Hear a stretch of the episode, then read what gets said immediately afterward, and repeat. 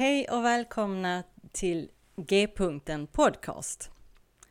Det här är en liten teaser inför den kommande säsongen av avsnitt. Första riktiga avsnittet kommer ju lite senare och det är ett samtal eh, mellan mig och en vän. Och vi kommer att eh, samtala om just om Bibeln då. För jag tänker, ska man ha en podcast där Gud är mittpunkten i centrum av allt, då kommer Bibeln eh, förr eller senare att eh, komma in i det. Och då kan det vara intressant att prata lite om det, om bibelbruk, bibelsyn.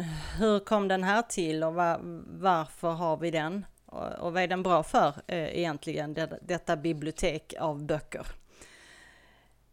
Men för att få lite försmak på det här så vill jag dela eh, två berättelser. Eh, en ur Gamla Testamentet och en ur Nya Testamentet.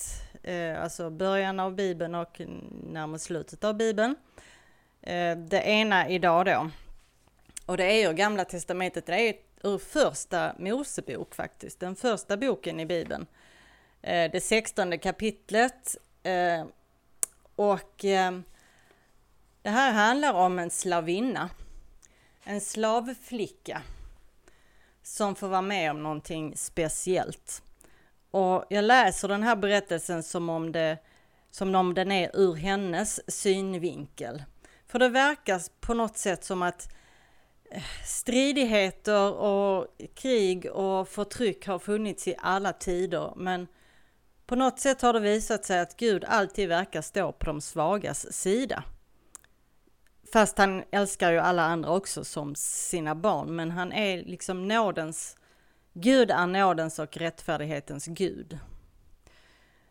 Eh, och eh, läser den här berättelsen, försöker följa med, blunda gärna och eh, använd fantasin och låt det få bli en upplevelse. För det mesta är det Gud som ger namn. Abraham, Isak, Israel. Bara en person i alla dessa heliga skrifter vågade att namnge Gud. Och det var inte en präst, inte en profet, inte en krigare eller en kung. Det var jag, Hagar. Främling, kvinna, slav. Jag vill inte bli ihågkommen som maktlös, för makt är männens valuta. Men innan namngivningen var jag att räknas bland de osynliga. Mörkhyad och utländskt språk, ja det gav inte så många förmåner. Jag bodde i Beersheba, de sju källornas land, där krigande stammar tillfälligt var i fred när de tillsammans grävde efter vatten. Och jag tillhörde en kvinna som var välsignad med alla de ting en kvinna vill ha. Rikedom, ädelhet, legendarisk skönhet och gudomlig favör. Men inte det en kvinna i ett oroligt territorium behöver, nämligen en livmoder som kan bära en son. Sara bar sina skrattlinjer som smycken. Hon berättade historier bättre än någon annan jag någonsin hört.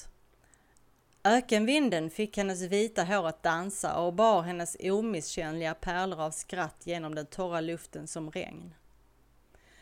Gammal som ung, män och kvinnor, slav och fria, alla vallfärdade till hennes tält för att få råd hur man föder upp getter, hur man arrangerar äktenskap, kryddar mat och offrar bönor. Och ändå, i vår värld, så kallades denna kvinna ofruktsam. Jag hade oturen att tillhöra en kvinna som trodde på detta felaktiga namn. Så de gav min kropp till Abraham. Så länge jag lever ska jag aldrig glömma hur vardagligt hon informerade mig om min plikt. Sådär i slutet eh, av en att göra-lista på sängkläder att hämta och mat att förbereda.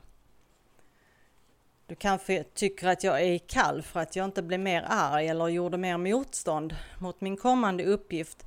Men att bära ett barn till stammens ledare eller hövding, även i en annan kvinnas namn, det bar ändå med sig en möjlighet till större frihet, eller åtminstone gjorde mig till mindre utbytbar. Ögonblicket då den äldre mannen rullade bort från mig, han såg mig inte i ögonen en enda gång, så bad jag Egyptens alla gudar om en son. Om jag överlevde födseln kanske jag till och med skulle få leva för att se honom gifta sig. Och jag bad till varenda gud på varje språk jag visste.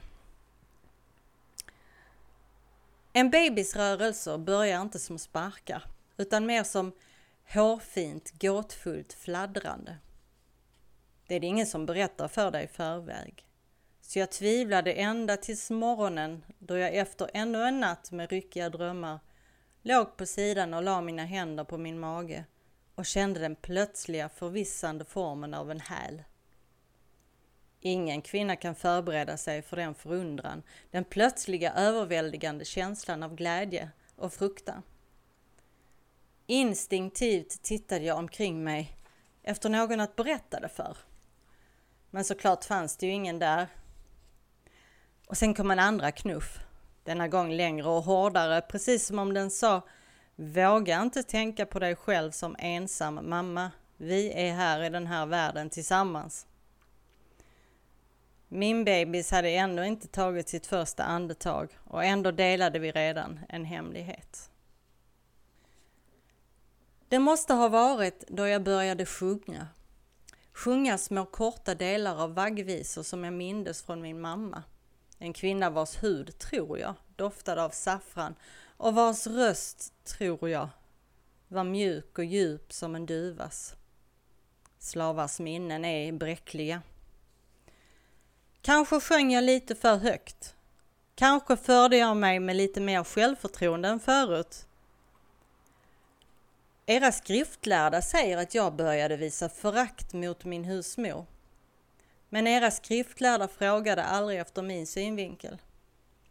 Jag vet bara att för varje dag när min mage växte blev Saras humör stormigare, som ett vasstrå i hård vind, som är på väg att brytas. En slavinna förväntar sig hårda ord och under, undanhållna matportioner. Men den fysiska misshandeln överraskade mig. Glåporden blev till slag och skällande order till piskrapp över ryggen. Jag skulle inte ha rymt om hon inte hade hotat min babys liv. Det vill jag att ni ska veta. Jag skulle inte ha tagit risken att springa ut i öknen mitt i natten med bara en kanna vatten och lite stulet bröd om jag inte hade fruktat det värsta. Abraham gjorde ju förstås ingenting och de stumma avgudarna ännu mindre.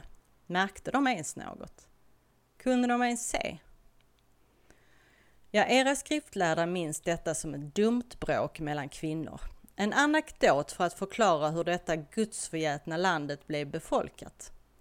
Men era skriftlärda bar aldrig en bebis genom öknen.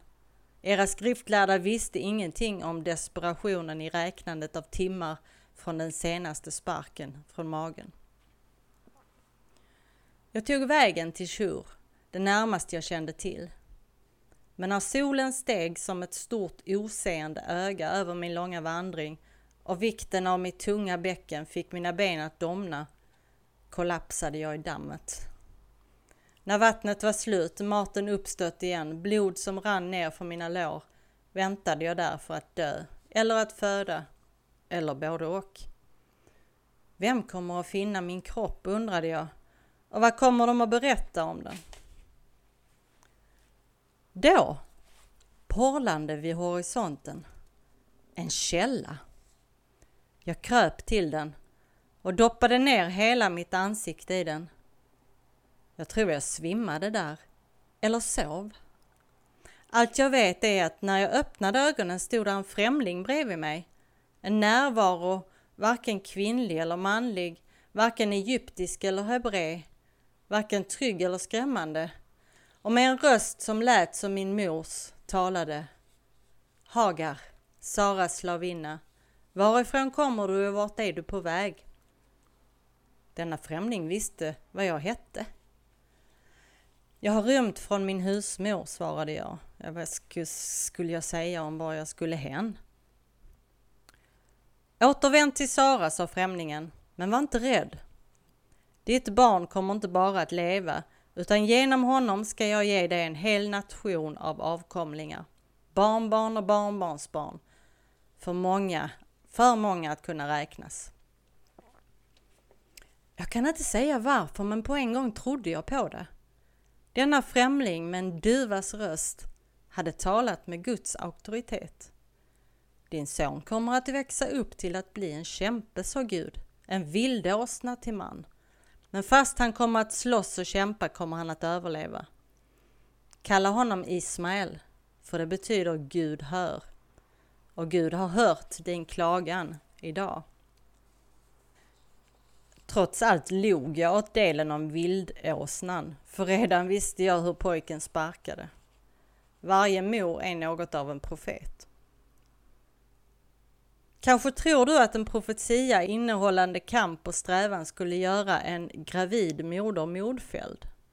Men en slavinna kämpar och strävar inte. En slavinna lyder bara. Om denna profetia var sann skulle det betyda att denna pojken, min Ismael, skulle vara fri. Med all kraft jag kunde förmå reste jag mig för att möta Gud ansikte mot ansikte medan solens ljus fördunklade bådas våra ansikten. Jag visste att detta var min husmors Gud, den hon kallade Yahweh. Men om jag skulle bli mor till en hel nation, då behövde jag ge denna Gud ett nytt namn. Du är en Gud som inte bara hör utan också ser, sa jag överraskad över styrkan i min röst. Jag har sett den som ser mig. Så jag namngav Gud med samma namn som jag gav källan. Elrui, seendets Gud. Och det namnet är ihågkommet, för era skriftlärda rapporterar. Därför kallar man brunnen Berlechai Roi. Den ligger mellan Kadesh och Bered. Många av mina systrar skulle komma att hämta vatten från den källan, från seendets Gud. De hebreiska barnmorskorna som trotsade farao genom att förlösa barn till slavar. Den föraktade samariska kvinnan som skandaliserade en hel stad genom att våga tilltala Messias. De unga kvinnorna som tillfångatogs från sina hem i västra Afrika och skeppades som boskap över havet. Mammor som såg sina söner lynchas och mormödrar som såg sina sonsöner skjutas ner. De miljoner mörkhyade människor vars namn världen har glömt men vars Gud aldrig missade att se. De orädda, Kvinnliga predikanter och profeter som reste sig ur askan av sitt lidande och vågade, som jag, att överleva och att namnge. Även jag skulle återvända till källan flera år senare. Sara avvisade mig till vildmarken återigen. Denna gång med en liten pojke hängande vid mina ben. Min tro, likt Abrahams, blev prövad. Men min tro, olikt patriarkernas, blev inte förevigad i Caravaggios röda eller Chagalls blå för att senare generationer skulle titta på den. Inte heller blev den ihågkommen i den hebreiska litteraturen eller släkttavlorna i ert nya testamente.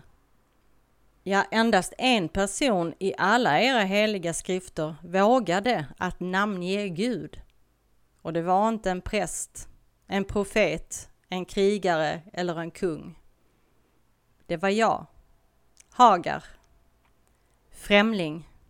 Kvinna. Slavinna. Glöm aldrig det.